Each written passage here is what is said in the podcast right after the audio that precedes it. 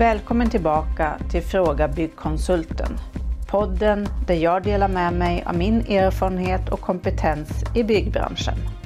Det här är podden för dig som vill spara tid och energi i ditt byggprojekt, få goda råd av en kunnig person och vill undvika att bli lurad. Gå till frågabyggkonsulten.se och ta chansen att få svar på just dina frågor. Och mitt namn är Eva Karlsson. Jag har en dröm. Jag har en dröm om en byggbransch på lika villkor. Kan vi komma dit? Ja, jag tror faktiskt det, om vi hjälps åt. När jag lämnar en offert på ett kontrollansvarig uppdrag för ett småhus, då vet jag att till 80 att jag inte kommer att få det här uppdraget.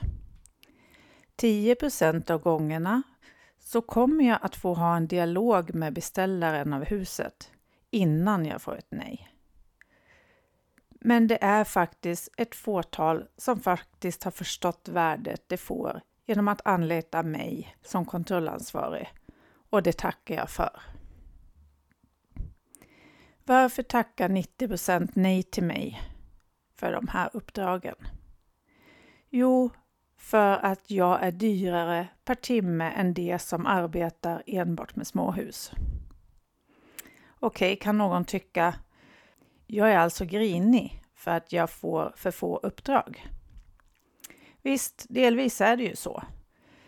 Men jag är mest irriterad för att de som fått uppdragen har blivit för bekväma och gör inget bra arbete längre.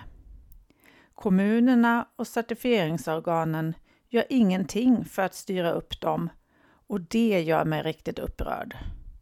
Vi konkurrerar inte på lika villkor. För att bli en certifierad kontrollansvarig så krävs det utbildning och yrkeserfarenhet. Vi tenterar vår kunskap innan vi kan starta med uppdraget och vi ska årligen utbilda oss och följa med i aktuell lagstiftning.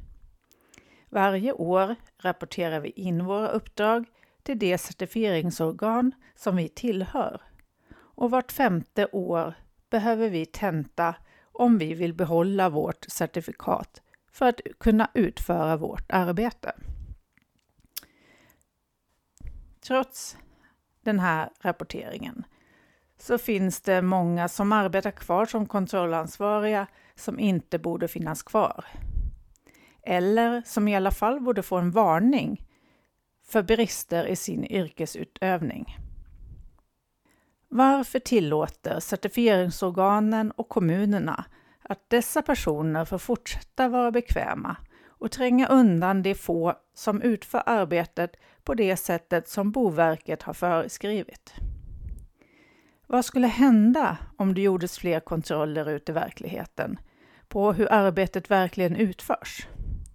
Om kommunerna ställde högre krav på utförandet av uppdragen och reagerade på något sätt när brister uppkommer. Min dröm får ett lyckligt slut.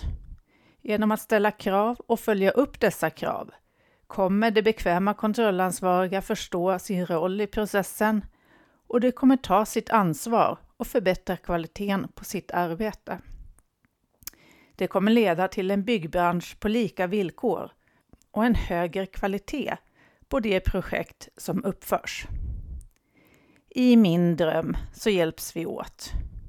Om du drömmer om samma sak, hör av dig till mig så vi kan stärka varandra och vår dröm blir till verklighet. Tyckte du om det du har hört? Tryck tumme upp och skriv en kommentar. Och dela gärna till dina vänner så att fler får ta del av min kunskap. Om du vill ha svar på en fråga, stor som liten, så gå till frågabyggkonsulten.se. Du är aldrig ensam om att fundera på något. Vi hörs snart igen och mitt namn är Eva Karlsson.